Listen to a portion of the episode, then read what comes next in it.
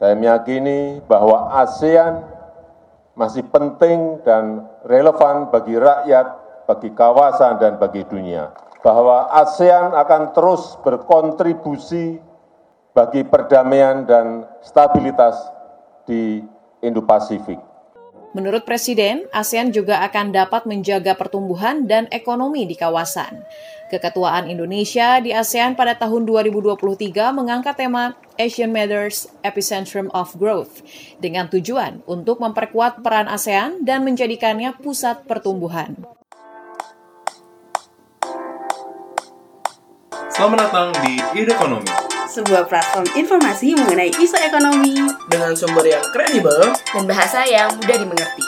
Pantau terus sosial media kami di @idekonomi_id.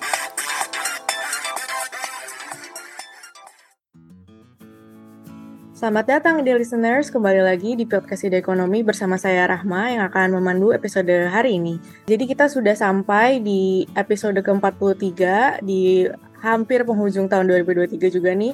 Dan kita hari ini mau membahas suatu topik yang sebenarnya mungkin teman-teman udah sempat dengar sepanjang tahun bahkan dari tahun lalu. Tapi kita di sini mau merecap lagi dan sebenarnya mau menganalisa apakah ada hal-hal yang kita bisa pelajari dari perhelatan tahun ini yaitu adalah KTT ASEAN 2023. Seperti yang teman-teman tahu mungkin di listeners bahwa Indonesia tuh telah dipercaya untuk meneruskan tongkat estafet keketuaan ASEAN dari Kamboja dimulai dari tahun lalu ya dan berakhir di tanggal 7 September 2023 tahun ini.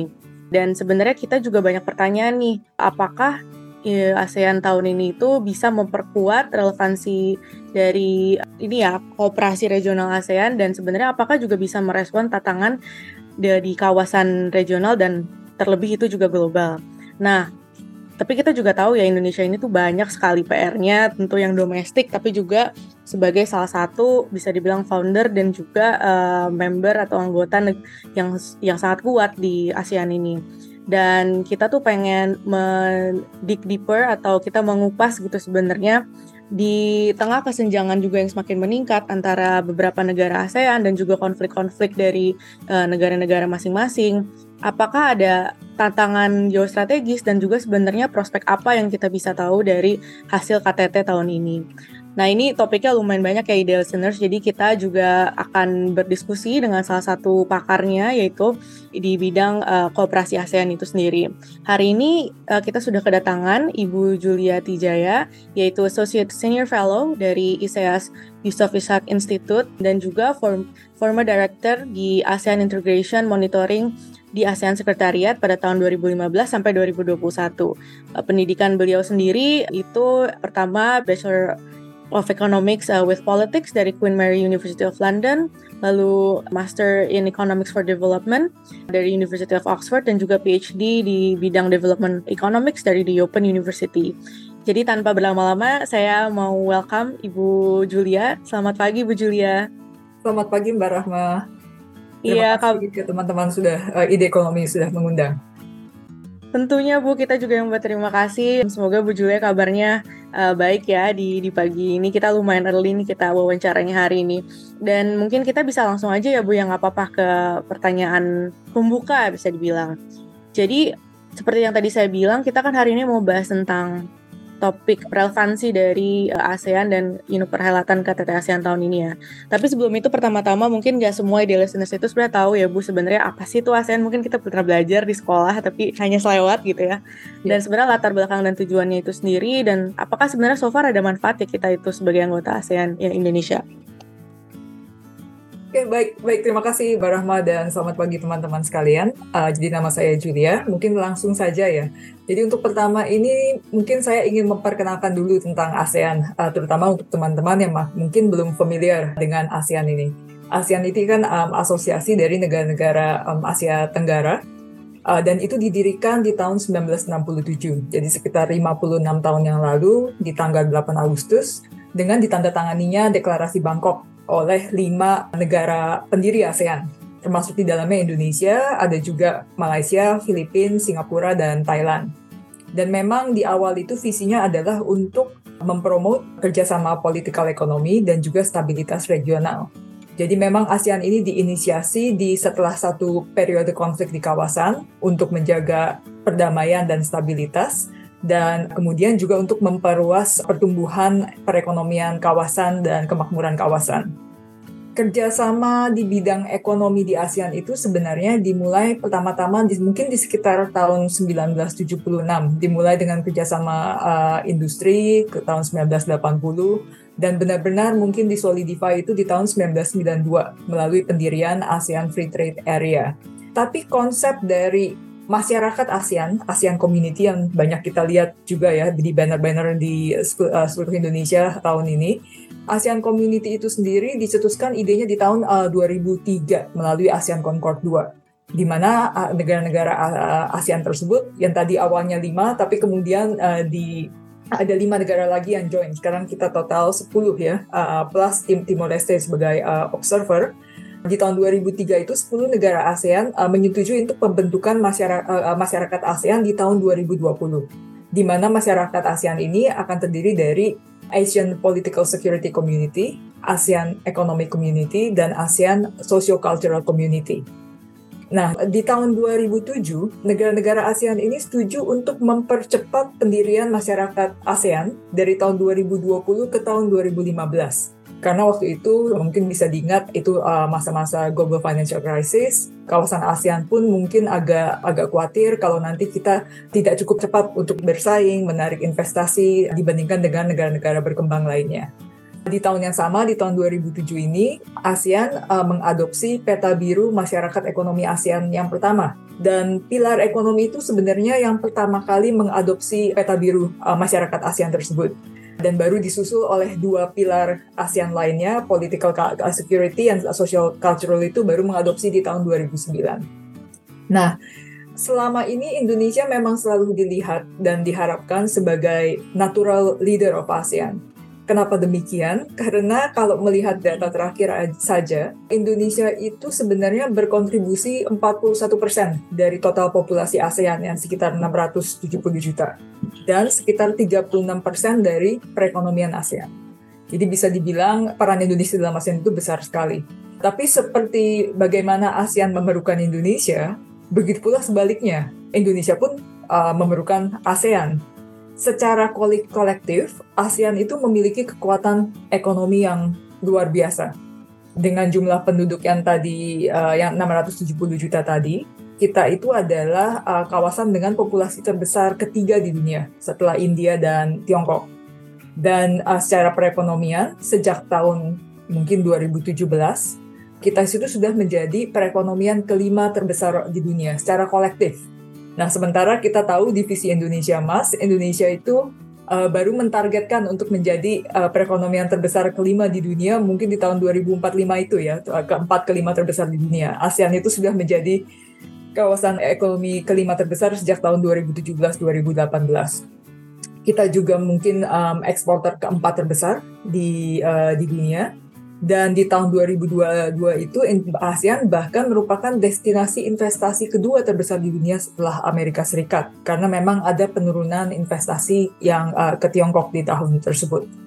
Nah, jadi memang integrasi ekonomi kawasan ASEAN ini memberikan kesempatan pasar yang luar biasa untuk negara-negara anggotanya.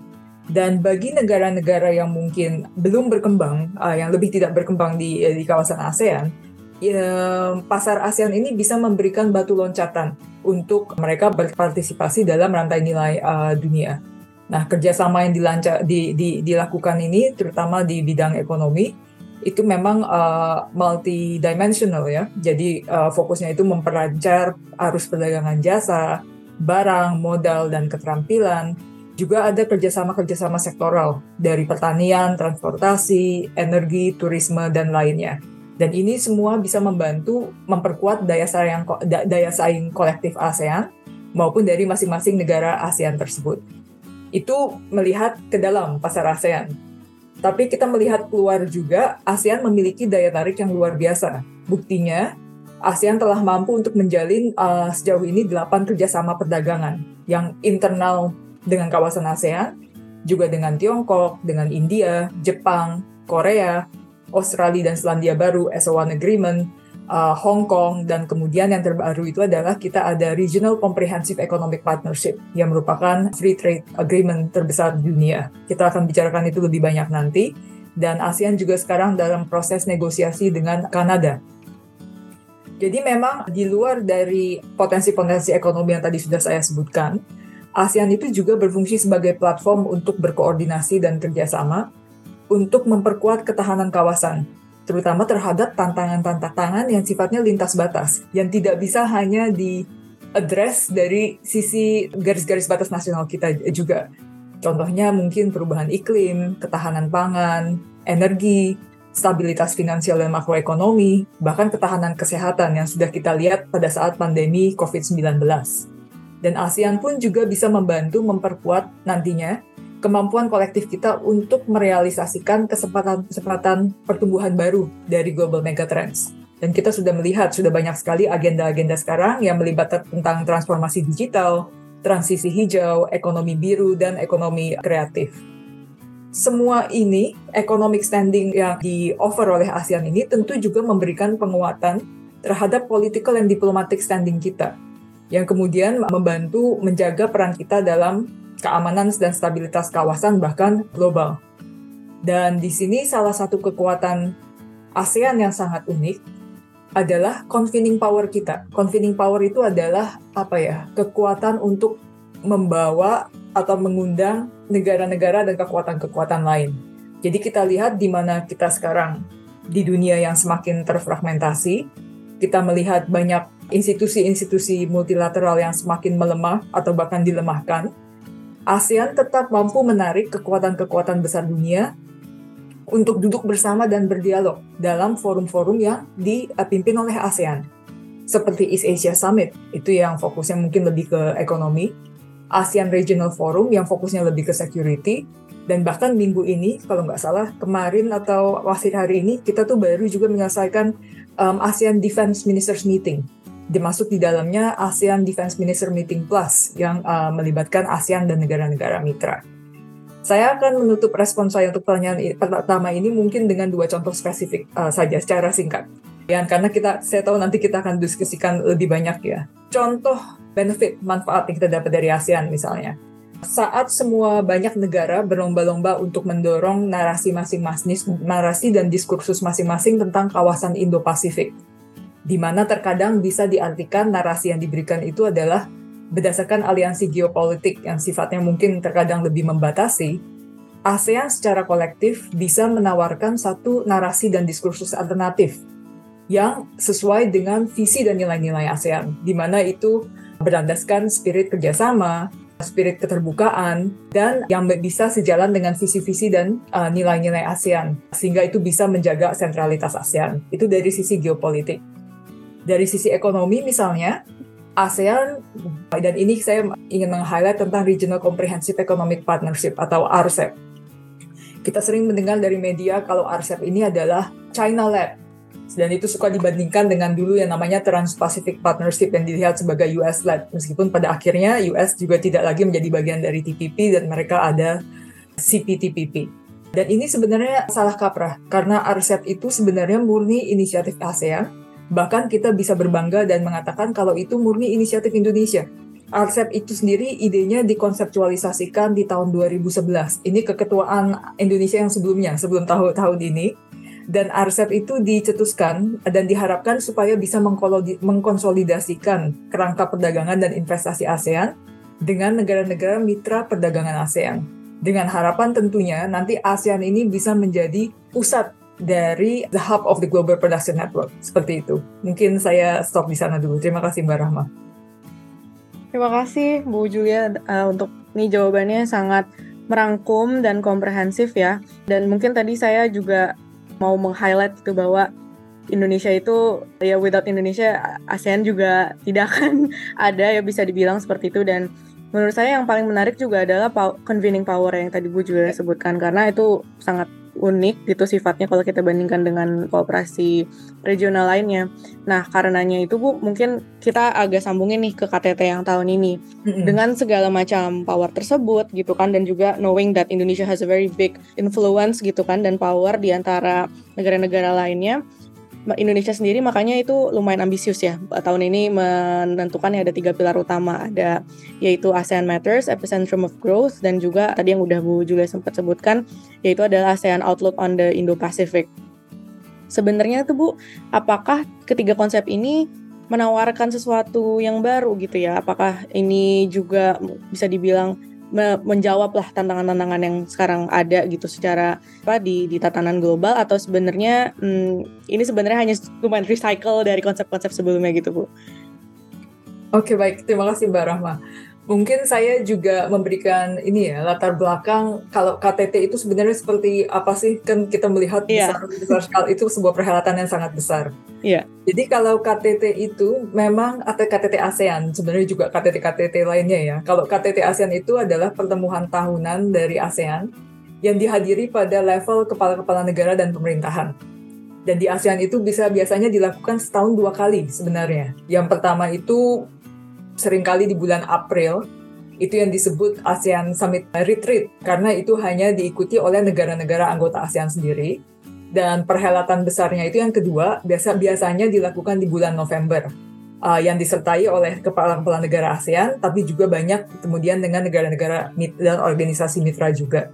Memang tahun ini KTT ASEAN diselenggarakan lebih awal di bulan uh, September menyesuaikan mungkin dengan uh, jadwal-jadwal schedule-schedule dari berbagai negara ASEAN dan juga negara-negara mitra. Nah, ini kan pertemuan kepala negara ya. Jadi ya ini sebenarnya pertemuan ASEAN tuh banyak sekali, luar biasa banyaknya. Dan untuk menuju KTT ini biasanya memang didahului dengan berbagai pertemuan pada level yang berbeda-beda. Mulai dari level teknis, pejabat senior, lalu ke level menteri, kemudian sebelum uh, ke KTT. Uh, dan bahkan dalam awal bulan November tersebut banyak sekali persiapan-persiapan pertemuan persiapan sebelum KTT tersebut. Dimulai dari pertemuan termasuk di antaranya pertemuan Dewan Masyarakat ASEAN dari tiga pilar tersebut yang tadi saya sudah sampaikan dan juga Dewan Koordinasi ASEAN untuk uh, memfinalisasi persiapannya. Keketuaan ASEAN itu kan di di-assume oleh negara anggota secara bergiliran ya. Jadi tadi saya sudah sebutkan sebelumnya tuh ASEAN Indonesia menjadi ketua ASEAN di tahun 2011, kemudian tahun ini di, di tahun 2023 dan tiap tahun itu memang setiap ketua ASEAN itu akan uh, mengangkat tema-temanya sendiri.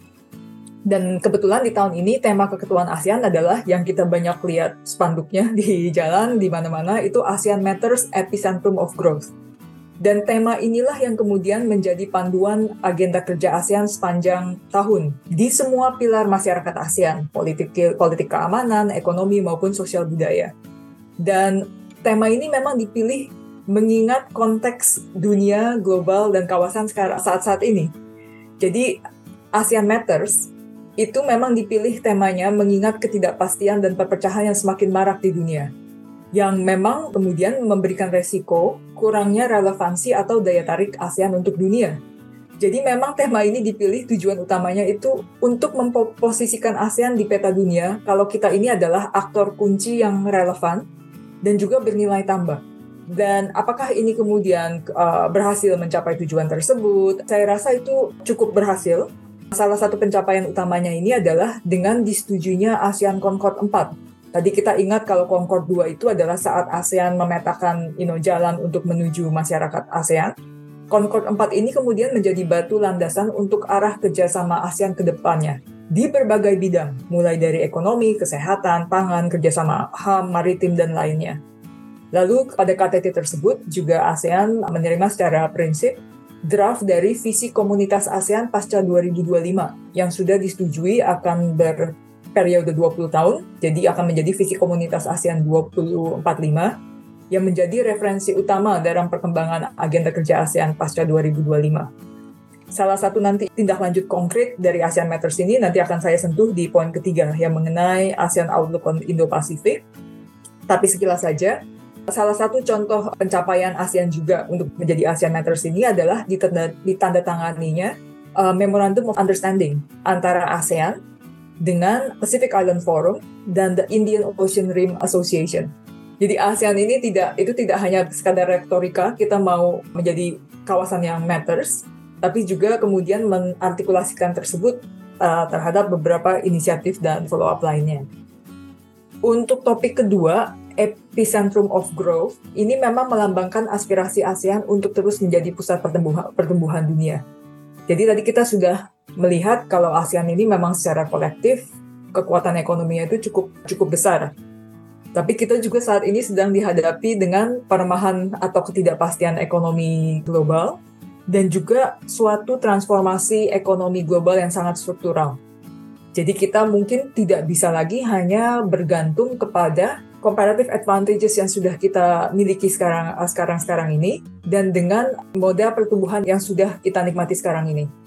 Uh, dan di dalam untuk epicentrum of growth ini, bagaimana untuk mencapai visi tersebut, ASEAN sudah mengartikulasikan ini secara konkret di Leaders Declaration on, I think it was ASEAN Leaders Declaration on ASEAN as an epicentrum of growth.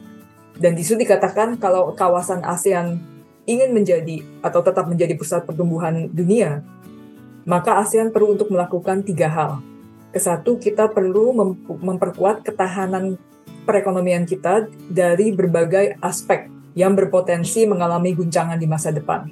Mulai dari perubahan iklim dan bencana, threat to your food and energy systems, kesehatan, finansial dan stabilitas makroekonomi, rantai pasok, dan juga relevansi institusi. Itu hanya untuk memastikan the economy is resilient from all these shocks.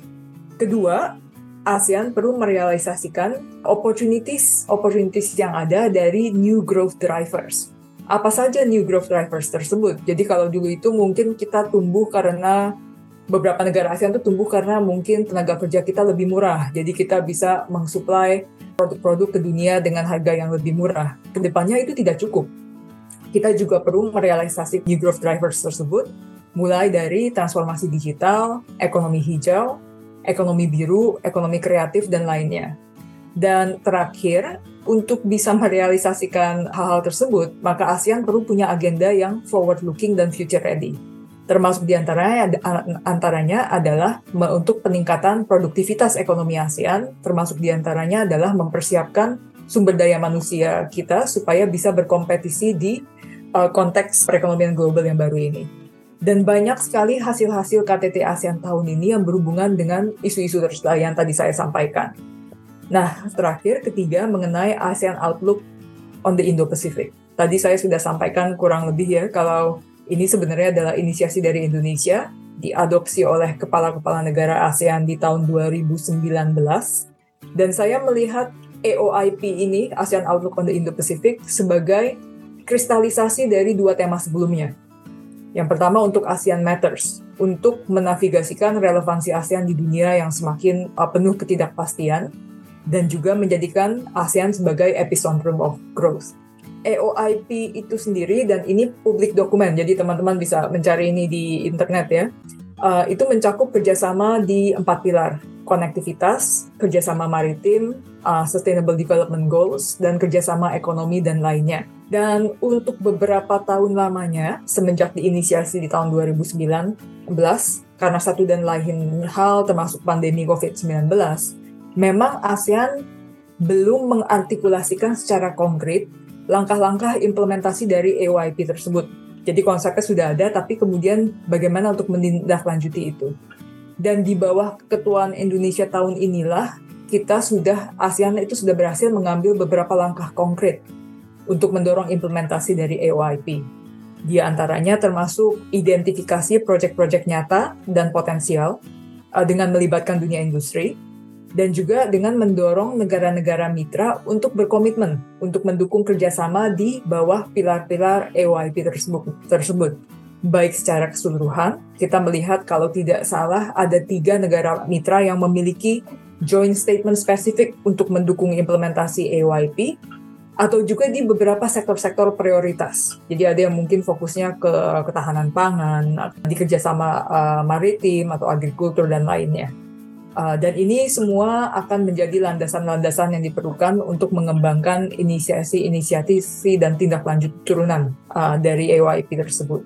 Jadi mungkin untuk merangkum respon saya tadi, uh, memang overall ketiga hal tersebut sudah mendemonstrasikan arah baru dan peran ASEAN di masa depan, di mana ASEAN itu memang harus tetap menjaga relevansi dan sentralitas kita, peran kita juga, uh, dan ini semua juga mengedepankan pentingnya ASEAN untuk tetap efektif, untuk tetap untuk tetap proaktif dan juga tetap um, agile ya, agile dalam merespon paradigma paradigma dan tantangan-tantangan baru.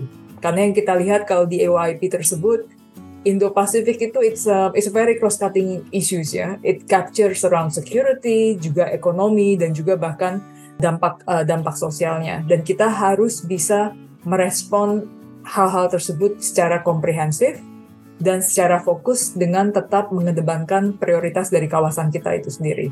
Terima kasih Mbak Rahma.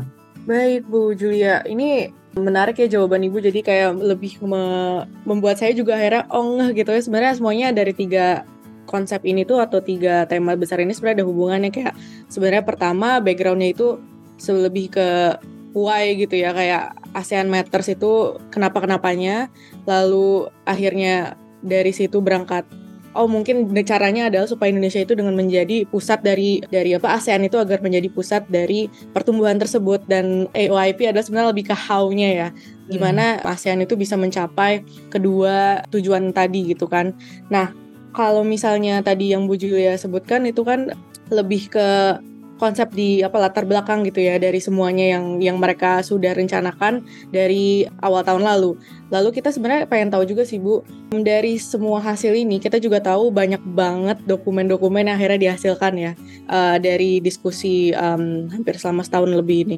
Kira-kira apa ya Bu dalam bidang kerjasama ekonomi ini yang telah menjadi hasil utama itu kalau bisa kita mungkin bahas beberapa perjanjian-perjanjian yang telah dihasilkan dan apakah bisa dibilang hasil-hasil tersebut itu sebenarnya bisa meningkatkan integrasi regional antara negara anggota ASEAN. Oke, okay, baik. Terima kasih uh, Mbak Rahma. Ya memang kalau ASEAN ini dokumennya luar biasa. Meeting dan dokumennya itu luar biasa banyaknya. Iya. Kadang-kadang dan kalau KTT itu kan meetingnya bisa beberapa hari and sometimes we are lost about what what's actually been achieved karena begitu banyak dokumen-dokumen dan juga inisiatif yang di, dilahirkan dari KTT tersebut. Jadi mungkin saya akan mulai dengan meng-highlight beberapa dokumen utama. Ini kan di pilar ekonomi ya, yang dilah dan dihasilkan pada level KTT. Tapi mungkin juga nanti setelah itu saya akan highlight beberapa pencapaian utama dalam pilar ekonomi di luar dokumen spesifik atau deklarasi yang memang dihasilkan langsung dari level KTT karena memang ASEAN itu kan bekerja all year Mbak Rahma jadi nggak cuma saat KTT saja jadi bahkan sebelum bulan Desember pun banyak sekali sebenarnya berbagai pencapaian-pencapaian yang sudah dicapai ASEAN di pilar ekonomi tersebut. Saya akan highlight mungkin empat dokumen utama uh, yang dihasilkan KTT bulan September tersebut yang berfokus di pilar ekonomi. Yang pertama yang tadi saya sudah sampaikan sebelumnya, ASEAN Leaders Declaration of ASEAN as an Epicentrum of Growth. Tidak perlu saya ulangin lagi, tapi memang intinya adalah memperkuat komitmen ASEAN untuk bersama-sama membangun ketahanan resilience yang multidimensional terhadap future shocks, komitmen untuk merealisasikan manfaat dan kesempatan dari berbagai macam new growth drivers yang sudah tadi saya sebutkan, dan pengembangan agenda ASEAN ke depannya yang lebih forward-looking dan future-proof uh, yang penting untuk di-highlight adalah terlampir dalam deklarasi tersebut adalah daftar proyek-proyek yang akan ditindaklanjuti sebagai bagian dari implementasi EOIP, ASEAN Outlook of Indo-Pacific. Baik daftar proyek yang sudah disepakati maupun yang potensial, termasuk dengan pihak-pihak yang terlibat dan nilai-nilainya. Jadi itu memang satu pencapaian sangat konkret dan saya rasa kita per, uh, bisa berbangga karena itu ya adalah sesuatu yang benar-benar didorong oleh pemerintah kita untuk dicapai pada tahun ini. Kedua, dan mungkin sebenarnya salah satu dokumen yang paling banyak ditunggu-tunggu, terutama oleh pengamat-pengamat ASEAN, researcher ASEAN, observer, dan ASEAN enthusiast. Dan ini adalah Leader Statement on the Development of the ASEAN Digital Economy Framework Agreement, atau yang disebut ASEAN DEFA. Jadi kalau selama ini di kerjasama ekonomi ASEAN seperti yang tadi saya bilang ada di perdagangan barang, jasa, modal dan perbankan, keterampilan, lalu sektor-sektor tadi yang memang kemudian diperlukan untuk mengelevate masyarakat ekonomi ASEAN ke next level ini adalah untuk agenda digital ekonomi kita.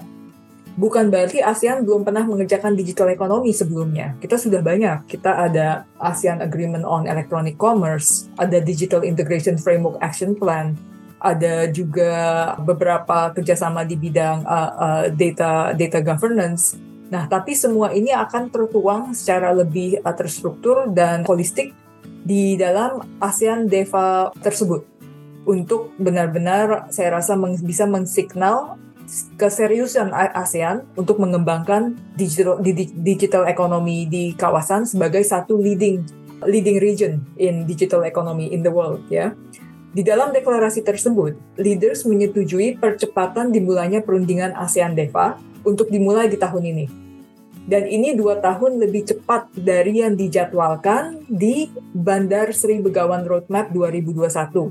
Itu pertama kali ide ASEAN DEVA dicetuskan. Dan di Bandar Sri Begawan Roadmap itu disebutkan akan dimulai di tahun 2025. Sekarang ini dipercepat, dimulai 2023 untuk kemudian diselesaikan negosiasinya di tahun 2025. Karena leaders pemimpin kita itu mengerti kalau kita perlu ada landasan kerjasama atau agenda kerja digital ekonomi yang kuat sebelum kita memulai pekerjaan kita di pasca 2025. Terlampir di leader statement tersebut adalah framework for negotiating ASEAN DEVA.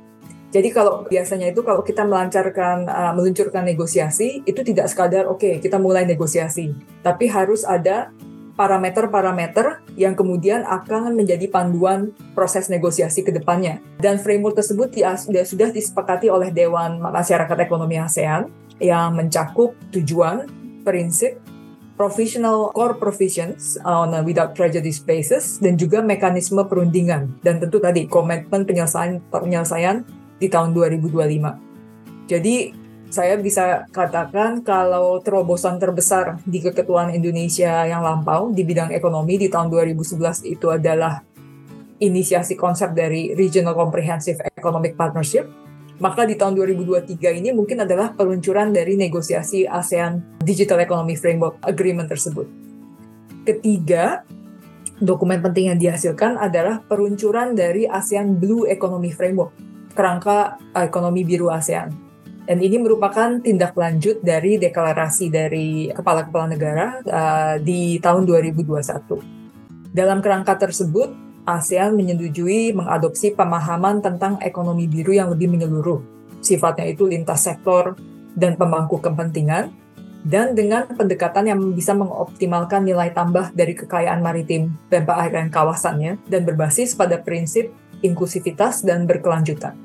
Jadi frameworknya itu sendiri mencakup guiding principle, strate strateginya itu apa, mulai dari conservation management, uh, science, technology, and innovation, dan juga identifikasi sektor-sektor prioritas, dan enablersnya itu apa, dari infrastruktur, institusi, operation and uh, capacity building, dan juga tentu saja investasi dan pendanaan yang berkelanjutan. Keempat, ASEAN KTT ASEAN juga mengadopsi ASEAN Leaders Declaration on strengthening food security and nutrition in response to crisis.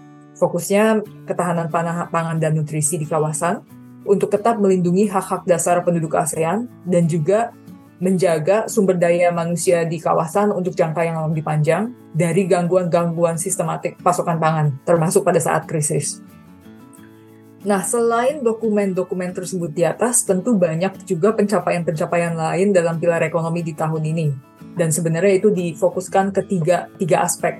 Recovery and rebuilding dengan pemanfaatkan sumber daya saing baru, percepatan transformasi digital yang inklusif, dan terakhir mainstreaming dari konsep keberlanjutan ke semua agenda ASEAN. Saya akan highlight saja mungkin sebelum sampai sambil menutup beberapa pencapaian utama di uh, across dari tiga area tersebut. Ini tentu tidak ekshaustif ya.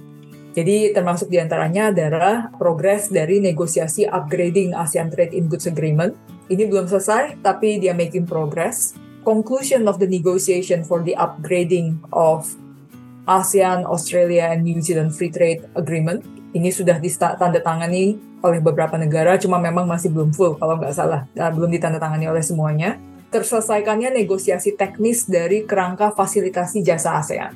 Ini penting, kenapa? Karena terkadang kita kalau berpikir soal perdagangan tuh kita memikirnya kapal kontainer dan barang seperti itu. Tapi sebenarnya perdagangan jasa itu juga penting. Dan jasa itu sebenarnya adalah sektor yang memberikan employment yang paling besar dan kontribusi nilai tambah yang paling besar ke perekonomian kita. Tanpa sektor jasa yang kompetitif, sulit untuk satu ekonomi memiliki sektor-sektor lain yang kompetitif juga. Karena bahkan dalam pertanian, dalam manufacturing, uh, dan lainnya, itu semua memiliki input dan komponen-komponen dari masukan dari sektor jasa tersebut. So, sex services competitiveness actually lead to overall um, economic competitiveness. Pencapaian lain yang mungkin juga banyak dilihat di media, uh, peningkatan konektivitas pembayaran lintas batas di kawasan, penggunaan mata uang kawasan dalam transaksi, adopsi dari versi kedua taksonomi ASEAN untuk sustainable finance, and it's all this is all very uh, technical. Uh, kita tidak ada waktu untuk uh, deep dive satu persatu.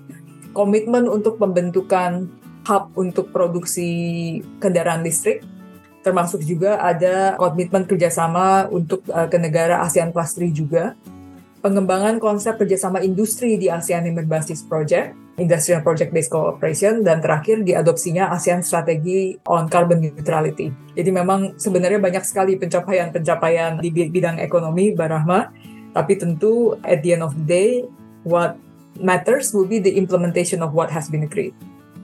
Ya, tentunya sih Bu, karena ini yang sebenarnya ditunggu-tunggu mungkin ya dari dari para pengamat gitu kan, dan juga para para pelaku industri tentunya yang berharap pelaku industri dan juga uh, policy maker bahwa dokumen-dokumen ini akhirnya bisa menghasilkan hasil yang konkret bisa dibilang seperti itu. Dengan itu saya juga pengen tanya nih Bu, karena tadi sempat udah disebut ya uh, beberapa partner karena ASEAN biasanya ini punya mitra gitu kan, negara-negara mitra dan kita tahu sendiri dari uh, AOIP yang tadi kita sudah sempat bahas tuh Tiongkok, Amerika Serikat, dan Korea Selatan juga telah mengadopsi pernyataan bersama dengan ASEAN untuk uh, memajukan uh, tersebut. Sebenarnya kalau kita bisa tarik mundur gitu ya, kita udah mungkin kalau kita yang bekerja di apa di bidang di di topik-topik ASEAN kita sudah sering dengar namanya ASEAN Centrality atau sentralitas ASEAN. ASEAN. Dan ini satu hal yang pengen di-push lagi dan di, di, dipromosikan bisa dibilang dari uh, eh, AYP ini sendiri. Menurut Bu Julia gitu ya, seberapa sebenarnya signifikan dampak dari framework AYP ini untuk untuk memajukan konsep dari sentralitas ASEAN tersebut terlebih kita tahulah kita ketidakpastian global dan juga bahkan masing-masing negara ASEAN tuh menariknya mereka tuh apa ya sangat unik gitu kan. Bukan kalau kita bandingkan sama Uni Eropa atau lainnya mereka kadang secara secara secara value atau secara itu mungkin ada beberapa yang lebih homogen tapi kalau ASEAN tuh sangat diverse gitu kan. Jadi gimana Ibu Julia melihat IOIP ini akhirnya apakah berkesempatan gitu untuk bisa memajukan sentralitas ASEAN tersebut? Ya baik. Terima kasih. Terima kasih Mbak Rahma ya memang kalau saya lihat EOIP ini sebenarnya sangat krusial setidaknya dalam dua aspek yang pertama adalah dalam hal pembentukan narasi dan diskursus. Yang kedua adalah dalam perealisasian manfaat uh, dari kerjasama di bawah kerangka EYP tersebut. Nah, yang pertama ini pembentukan narasi dan diskursus itu nanti akan terlink kemudian ke dalam penyusunan lingkup dan uh, modalitas dan lingkup dari agenda kerjasama kawasan. Ini sangat penting menurut saya tidak cuma untuk ASEAN bahkan juga untuk dunia yang lebih luasnya kita semua tahu yang tadi uh, Mbak Rahma juga sudah sentuh kalau sekarang-sekarang ini banyak peningkatan diskursus yang lebih terpecah belah atau bahkan terkadang kesannya memecah belah ya. Uh, dengan ASEAN mengedepan, mengedepankan narasi alternatif, narasi milik ASEAN sendiri tentang visi dan agenda kawasan Indo-Pasifik yang sifatnya tadi seperti saya sudah sampaikan terbuka, open, tidak mengeksklud anyone specific, selama memiliki misi dan visi dan nilai yang sejalan dengan ASEAN dan mengakui sentralitas ASEAN. Sifatnya juga inklusif dan konkret. EOIP ini kerjasama di kawasan Indo-Pasifik harus didasarkan pada kerjasama yang konkret dan tentu mutually beneficial. Um, di saat ini, sistem dan peraturan multilateral sedang berada di bawah tekanan yang luar biasa. Kita lihat banyak negara-negara besar besar dan kecil atau kawasan lain, beberapa kawasan juga yang kemudian mulai uh, merilis peraturan-peraturan unilateral sendiri yang mungkin tidak selalu sejalan dengan peraturan-peraturan lintas batas yang sudah dikembangkan dan disetujui bersama sebelumnya. Akibatnya, banyak negara-negara berkembang atau kekuatan menengah middle power seperti ASEAN yang sebenarnya selama ini sudah banyak diuntungkan dari globalisasi dan perdagangan terbuka, kemudian kita tiba-tiba dihadapkan konteks baru dan kita tidak bisa lagi mengambil to take those globalization and the open trade for for granted. It is something that actually we need to fight for, uh, if you like. Pada saat yang sama kita juga melihat munculnya kerangka-kerangka kerjasama baru secara paralel dengan ASEAN-led mechanism. Jadi banyak negara-negara tersebut yang kemudian mengoffer ya kerangka-kerangka kerjasama baru yang mungkin tidak selalu mengikut sertakan ASEAN secara kolektif atau as an institution. Ya mungkin mengikut sertakan beberapa anggota ASEAN tapi tidak seluruhnya ya. Ini sebenarnya beresiko mengurangi relevansi dan daya tarik ASEAN as a collective, as a as an institution.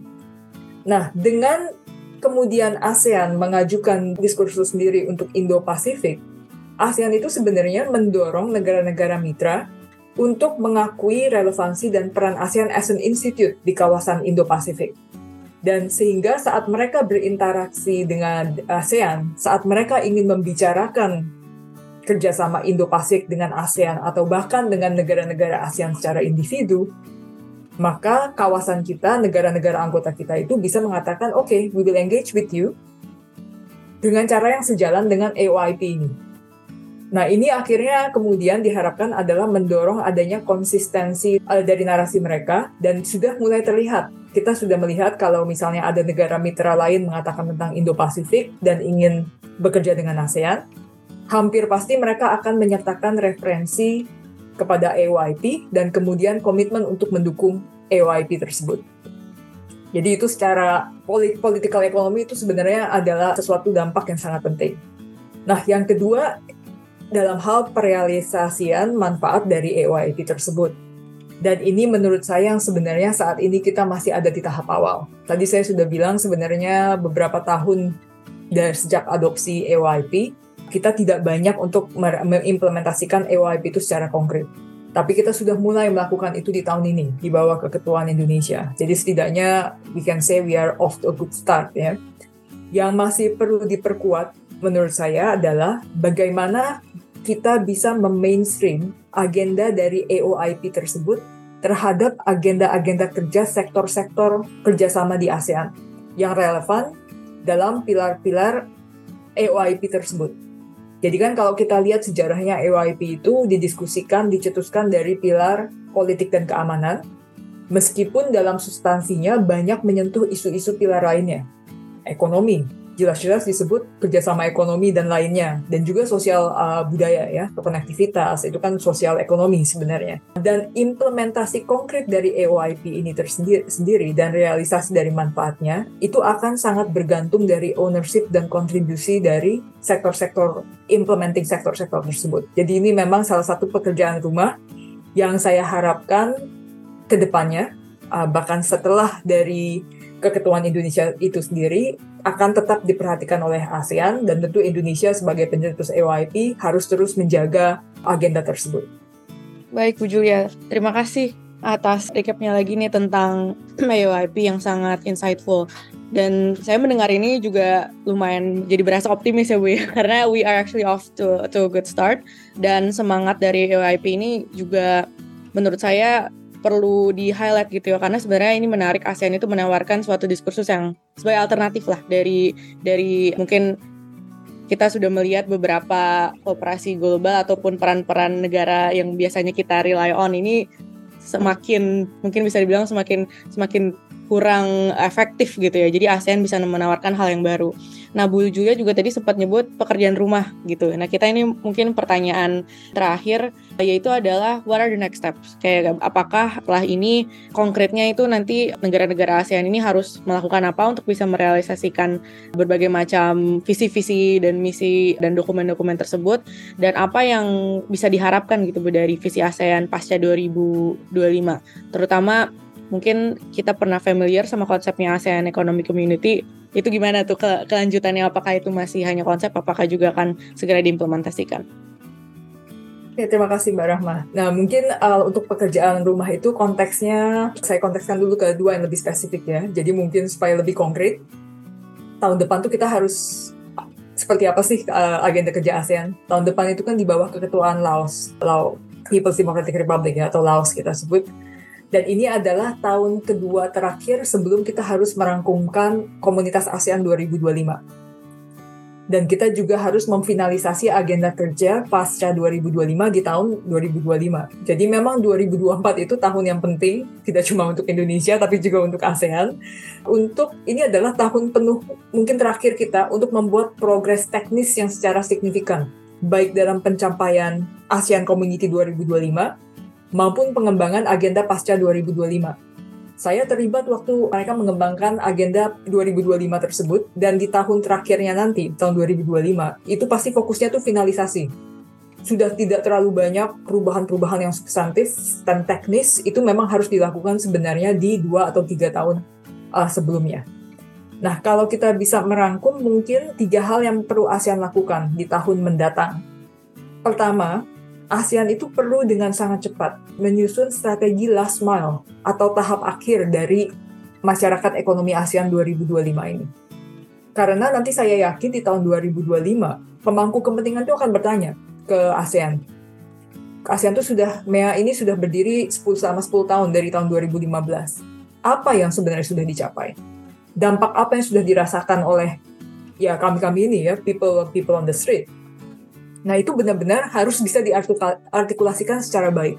Bukan dari sisi, oh kita sudah mencapai berapa persen ini itu, tapi I think they want something, a very concrete evidence and narrative. Sehingga perlu untuk dari sisi ASEAN melakukan exercise, mengidentifikasi apalagi yang belum tercapai tapi penting untuk dicapai dan itu harus diprioritaskan di agenda kerja dari sekarang sampai 2025. Dan ini perlu dilakukan dengan masukan dari stakeholders karena mereka inilah yang kemudian bisa bilang ya mengatakan ya itu memang ya inisiatif itu adalah something yang matters to us. Yang kedua, then what do you do with the unfinished business? We have to be realistic. Kita nggak mungkin bisa 100% mengimplementasikan 1.700 atau bahkan mungkin sudah 2.000 action line dari AEC. That's not gonna happen. It didn't happen in 2015. And I don't think it's going to happen in 2025. Karena dunia pun sudah berubah uh, sangat banyak. Jadi apa yang perlu dilakukan itu mungkin level of priority-nya pun akan berubah. Kita perlu memilah dari yang belum terselesaikan, mana yang masih re re uh, relevan untuk ditindaklanjuti di pasca 2025, mana yang kemudian mungkin perlu di-adjust. Nah, dalam hal pengembangan agenda kerja masyarakat ekonomi ASEAN pasca 2025, tantangan utamanya adalah bagaimana kita bisa mengembangkan agenda yang visionary, yang berani, yang bold, yang forward looking dan berambisi, tapi juga konkret, pragmatik dan meaningful. Tidak hanya retorika atau angan-angan saja yang terlalu tinggi, tapi juga perlu dipikirkan mekanisme apa yang kemudian bisa dilakukan uh, pekerjaan-pekerjaan apa yang perlu dilakukan untuk mencapai hal tersebut. Jadi perlu usaha menjembatani antara masuk-masukan atau buah-buah pikiran dari pakar, dari expert, atau dari eminent persons kita dengan birokrasi ASEAN sendiri, baik itu sekretariat ASEAN maupun sectoral body di ASEAN. Kemudian ada beberapa hal utama yang selama ini tidak atau kurang menjadi perhatian di masyarakat ekonomi ASEAN, tapi penting sebenarnya. Dan itu saya rasa sangat perlu diberi perhatian khusus dalam pengembangan AEC Post 2025. Mulai dari isu produktivitas, penerapan, persebaran dan adopsi teknologi, ketimpangan-ketimpangan sosial yang ada di um, ASEAN, dan juga pengembangan sumber daya manusia. Terkadang kita ini bekerja di ASEAN itu mungkin masih bersifat silo, masih ada sektoral ego, dan ini benar-benar sektoral dan pilar ego. So there's two things in ASEAN ya, sektoral dari sisi antara mungkin uh, sektor A dan B atau juga antara uh, pilar ekonomi dan sosial uh, sosial budaya. Ini yang benar-benar harus diperbaiki ke depannya. Karena isu-isu yang dihadapi ASEAN akan semakin kompleks, semakin cross-cutting. Contoh konkret, kalau kita mau mendorong transisi hijau, kita tidak hanya memerlukan dialog dan inisiatif dari sektor-sektor yang beremisi tinggi, seperti transport, pertanian, atau energi. Tapi juga harus melibatkan sektor-sektor pemberi solusi, seperti perdagangan, kan ada green trade, keuangan, investasi, dan juga inovasi. ini sudah masing-masing sektor ini saya yakin masing-masing sudah membicarakan tentang sustainability, tapi mungkin pembicaraan bersama itu masih kurang. Sehingga kesempatan-kesempatan untuk bersinergi, berkolaborasi itu masih belum tergali secara uh, optimal. Begitupun dengan pengembangan ekonomi digital. Kita kan ada ASEAN DEVA. That's a very groundbreaking initiative, so everyone is excited. But at the end of the day, memiliki perjanjian dan aturan-aturan gov data governance saja itu nggak cukup. Itu it's, it's, it's a necessary but insufficient condition untuk bisa mendukung transformasi penuh perekonomian kita ke perekonomian digital dan memastikan kalau pemangku kepentingan kita bisa uh, mengambil manfaat dari sana. Nah, ini baru bisa terrealisasikan tentu apabila masyarakat dan ekonomi kita memiliki infrastruktur yang cukup dan memiliki literasi dan keterampilan digital yang memadai. Dan ini mungkin tidak semuanya bisa teradres melalui ASEAN DEVA. Dan kemudian perbaikan cara kerja. Kita melihat ASEAN termasuk MEA ya, masyarakat ekonomi ASEAN sudah sangat produktif dalam menghasilkan berbagai macam dokumen, deklarasi, rangka kerja, strategi, dan lainnya. Tapi masih ada kekurangan dalam hal implementasi dan realisasi dampak kerja ASEAN ini masih sangat terbebani dengan banyak sekali pertemuan formal sehingga sekarang tidak cukup waktu atau sumber daya untuk menindaklanjuti implementasi dari komitmen-komitmen yang sudah disetujui. Harapan saya ke depannya adalah dalam pengembangan AEC Post 2025, ASEAN itu akan lebih terbuka dan untuk masukan-masukan konkret dari pemangku kepentingan, tidak hanya dunia usaha, juga akademisi dan uh, perwakilan-perwakilan masyarakat, sehingga nanti agenda dan prioritas ke depannya itu bisa merespon dengan efektif harapan, concern, dan prioritas dari pemangku kepentingan tersebut. Terakhir mungkin ini untuk keketuaan Laos, karena saya former ASEAN Sekretariat itu saya suka berpikir, oh kalau chairmanship ini semoga ini yang bisa dihasilkan. Ini hanya refleksi saja. Saya harap di tahun 2024 di bawah keketuaan Laos, Laos itu bisa memastikan visibilitas dan isu, uh, dan prioritaskan isu-isu yang memang penting dari sisi negara-negara yang least developed countries in ASEAN seperti untuk Laos.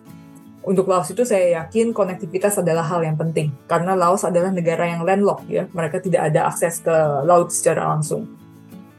Laos perlu memastikan menurut saya kalau agenda konektivitas ASEAN pasca 2025 itu harus bisa terintegrasi dan tersinergikan dengan baik dengan agenda-agenda sektoral di ASEAN lainnya itu sangat penting. Jadi jangan sampai agenda konektivitas ASEAN itu menjadi agenda yang standalone, mana disconnected dengan agenda-agenda lainnya. Kedua, uh, mungkin Laos juga akan memprioritaskan agenda kerja terkait narrowing the development gap. Bagaimana untuk mengartikulasi arah kebijakan mengatasi ketimpangan ini dengan lebih baik di pasca 2025. Selanjutnya, agenda trade facilitation, fasilitasi perdagangan. Kenapa seperti itu? Karena di tahun 2016, keketuaan Laos yang sebelumnya, Laos itulah yang berhasil mencetuskan ASEAN Trade Facilitation Framework. Jadi tahun ini akan sangat baik kalau kita bisa reaffirm komitmen ASEAN terhadap agenda-agenda besar trade facilitation yang lebih terupdate dengan perkembangan baru yang penting dan ini harus terefleksikan dalam hasil dari negosiasi upgrading of ASEAN Trade in Goods Agreement tersebut. Dan terakhir, tentu saya ingin melihat ada tindak lanjut yang kemajuan berarti dari beberapa prioritas besar yang sudah dilahirkan oleh Indonesia. Termasuk kemajuan yang berarti dalam negosiasi ASEAN DEVA tersebut, Digital Economy Framework Agreement. Toh kita hanya ada waktu dua tahun untuk negosiasi, dan di tahun 2025 kita pasti sibuk untuk menyelesaikan visi agenda kerja pasca 2025. Jadi kita harus make progress as much as possible di tahun 2024. Dan juga saya ingin melihat implementasi konkret dari begitu banyak dokumen yang telah dihasilkan ASEAN yang menyangkut ke transisi ekonomi hijau, termasuk strategi netralitas karbon. Terima kasih Mbak Rahma. Jadi ini untuk teman-teman mungkin yang bekerja langsung dengan uh, kooperasi ASEAN lumayan banyak ya hal-hal yang mungkin bisa diimprove untuk ke depannya. Tadi yang saya catat sih ada beberapa ya Bu seperti menyusun strategi last mile karena 2025 ini sangat krusial untuk untuk kelanjutan dari MEA sendiri. Lalu pengembangan agenda ini mungkin harus diidentifikasi ulang mana yang lebih mana yang sangat prioritas karena mungkin sekarang juga uh, tentunya sudah banyak yang berubah. Lalu saya juga meng-highlight ini menarik ya karena sebenarnya ibu memberikan masukan bahwa cara kerjanya yang diubah seperti e-, ego sektoral gitu kan dan juga mengetahui banyaknya dokumen-dokumen yang sudah dihasilkan sebenarnya bagaimana implementasinya yang paling terpenting gitu. Dan juga masukan untuk keketuaan setelahnya Laos ini memegang peran yang sangat sangat krusial gitu ya ter terlebih karena lokasinya itu sendiri. Um, dan kita mungkin ke pertanyaan terakhir Bu, yaitu adalah apakah Bu Julia nih ada analogi, ini sepertinya mungkin tradisi di ekonomi kita mau nanya narasumber kami untuk menutup uh, episode kami dengan suatu analogi yang menarik. Dan mungkin kalau di kesempatan ini saya mau nanya Bu Julia analogi untuk dinamika kali ya Bu ya karena kita lihat tadi udah bahas nih banyak peran, banyak banyak banyak tujuan, banyak visi misi. Nah, sebenarnya apakah ada Bu Julia di analogi untuk dinamika dari ASEAN kooperasi ASEAN itu sendiri. Silakan Bu. Oke, terima kasih sekali sekali Mbak, Rahma. Saya rasa ini tradisi yang sangat sangat baik, and I think it's a good way to uh, to end this uh, this podcast juga. Sebenarnya ini pertanyaan yang susah-susah gampang ya, atau gampang susah, karena memang dinamikanya sangat kompleks. Tapi mungkin kalau boleh saya mengsimplify uh, dinamika yang ada sekarang ini, mungkin saya bisa menggunakan analogi ini permainan board games. Uh, mungkin Mbak, Mbak Rahma juga suka sering bermain uh, board games juga ya. Jadi saya membayangkan kalau ASEAN itu harus melihat dinamika yang sekarang. Mungkin lebih seperti permainan apa namanya permainan halma, bukan permainan catur. Mungkin moga-moga teman-teman familiar ya dengan permainan uh, halma. Kalau catur kan semua pasti pasti uh, pasti sudah tahu. Iya. Yeah. Kalau kita bermain catur itu, uh, kita tuh kan harus terbawa. Kita tuh harus milih antara hitam dan putih. Dan ujung-ujungnya itu kesannya the winner takes all gitu ya. Jadi papan catur itu yang satu itu sudah either nggak bisa bergerak atau hilang semua anak-anak caturnya, bidang-bidang caturnya, yang satu warna saja yang bisa menang. Tapi kalau kita merespon dinamika yang ada sekarang seperti bermain halma, di situ kita bisa ada berbagai pemain dengan warna-warna yang berbeda. Harapan saya kalau di konteks dunia itu adalah dengan level of development, points of views yang berbeda juga. Semua dua boleh berbeda tapi bisa berpartisipasi. Yang perlu dijaga adalah ekosistemnya. Pastikan semua itu bisa ber, uh, bisa tetap terbuka, inklusif, bisa ada multiple permain, dan peraturan permainan itu harus dijaga supaya tidak ada yang curang. Yang harus dijaga ekosistem dan peraturannya. Jadi semua itu silahkan berkompetisi, tapi kompetisilah secara sehat. Tapi dari sisi ASEAN yang terpenting adalah untuk fokus pada permainannya sendiri. Kita harus fokus mencapai tujuan ASEAN di sisi lain papan permainan, kan seperti itu. Jangan di tengah berkecamuknya geopolitik uh, global dan lainnya, kita malah terbawa, terus terbawa ke sudut destinasi pemain-pemain lain gitu, bukan bukan warna kita sendiri gitu, seperti itu. Nah, di dalam segala tantangan yang ada, negara-negara di dunia ini akan terus mengawasi gerak-gerik ASEAN. Saya rasa banyak negara yang ingin ASEAN menjadi pemain utama. Kita sudah tidak bisa lagi hanya menjadi penonton atau pemain pendamping seperti itu. Dukungan ASEAN yang konsisten terhadap sistem multilateral yang terbuka, inklusif, inklusif, rules based, ketidakberpihakan ASEAN dan ketidakinginan persetujuan ASEAN untuk menjadi proksi dari kekuatan mana pun, itu sebenarnya memberikan penguatan terhadap negara-negara lain, negara-negara berkembang lain, negara-negara kekuatan lain menengah lainnya. Jadi ASEAN ini memang adalah suatu beacon of hope ya. Kita tuh hanya bukan hanya harapan bagi penduduk-penduduk di ASEAN sendiri di kawasan, tapi juga negara-negara lain di dunia. Ini tentu tanggung jawab yang sangat besar untuk ASEAN, untuk Indonesia as a natural leader of ASEAN. Tapi saya percaya kalau ASEAN tetap menjaga sentralitas kita, maka kita bisa uh, kita akan berhasil. Terima kasih. Terima kasih banyak Bu Julia. Ini sangat bagus banget uh, analoginya karena kita sebenarnya juga tentunya pengen ASEAN itu bukan winner takes all. Kita pengen lebih inklusif dan juga harapannya ASEAN juga udah bukan jadi penonton aja ya jadi apa bisa bisa membuat suatu gebrakan gitu jadi uh, secara panggung global dan mem membantu balik lagi tadi memberikan suatu alternatif um, yang bisa mendukung perkembangan ekonomi dan juga um, apa ekonomi sosial dari negara-negara uh, lain. Um, terima kasih banyak Bu Julia untuk uh, ngobrol-ngobrolnya hari ini. Uh, semoga ini bukan yang terakhir kali ya Bu. Terima kasih, terima kasih sekali Mbak Rahma juga teman-teman yeah. ekonomi ya. Baik, uh, karena keterbatasan waktu, sayang sekali kita sudah harus mengakhiri perbincangan hari ini. Sekali lagi terima kasih uh, kepada Bu Julia yang sudah meluangkan waktunya untuk uh, sharing ilmunya di episode kali ini. Kalau begitu, terima kasih banyak juga untuk ide listeners yang sudah mendengarkan episode hari ini hingga selesai. Dan jangan lupa follow IG Ekonomi di at underscore ID. Saya Rama, host hari ini, pamit dulu dan sampai bertemu di episode Ekonomi selanjutnya.